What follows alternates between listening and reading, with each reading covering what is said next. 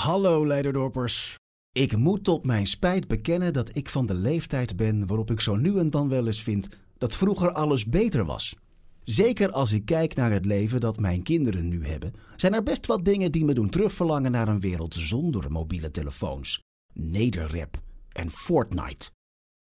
Natuurlijk, dat heet vooruitgang. En vooruitgang kun je niet tegenhouden.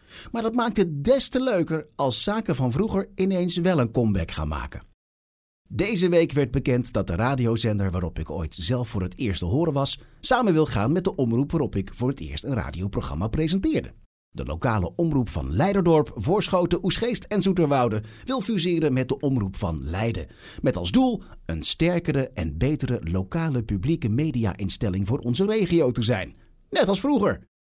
De laatste keer dat we zo'n grote omroep hadden in de Leidse regio was bijna tien jaar geleden. Holland Centraal was voor heel veel luisteraars en kijkers niet alleen de plek waar ze naartoe gingen voor kwalitatief hoogstaand lokaal nieuws, maar voor heel veel regiogenoten was het ook een omroep waar zij voor en achter de schermen met trots voor wilden werken. En met name dat laatste vind ik heel erg belangrijk, want de aanwas van nieuw radiotalent stokt. En dat is verschrikkelijk jammer, want juist radio is een onwaarschijnlijk mooi medium waar je als jonge maker echt indruk mee kunt maken en kunt opvallen. Zonder een sterke lokale omroep was ik zelf waarschijnlijk nooit bij de radio gegaan. Bij Radio Leiderdorp was ik 27 jaar geleden voor het eerst op de radio te horen. Een paar jaar later presenteerde ik mijn eerste radioprogramma's op Radio Holland Centraal en Radio Rijnwoude. En daarna stoomde ik door naar de landelijke radiozender 100% NL.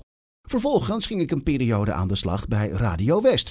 En inmiddels, na een periode van Radio Stilte, ben ik weer met regelmaat te horen op onder meer Radio 538 en Radio Veronica.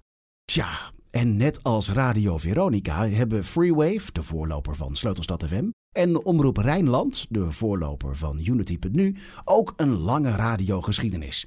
Alleen al vanwege dat gedeelde verleden is het mooi dat beide lokale omroepen het plan hebben om samen verder te willen. Dat noemen wij dus vooruitgang. Trouwens, vorige week maakte ik zelf nog radio vanaf het oude zendschip de Noordernij met Radio Veronica. Dat oude schip was iedere keer zo aan het schommelen tijdens de uitzendingen dat ik toch moet constateren dat vroeger echt niet alles beter was. Geef mij maar een stabiele studiovloer. Groetjes, Joost van der Stel. Tot over twee weken.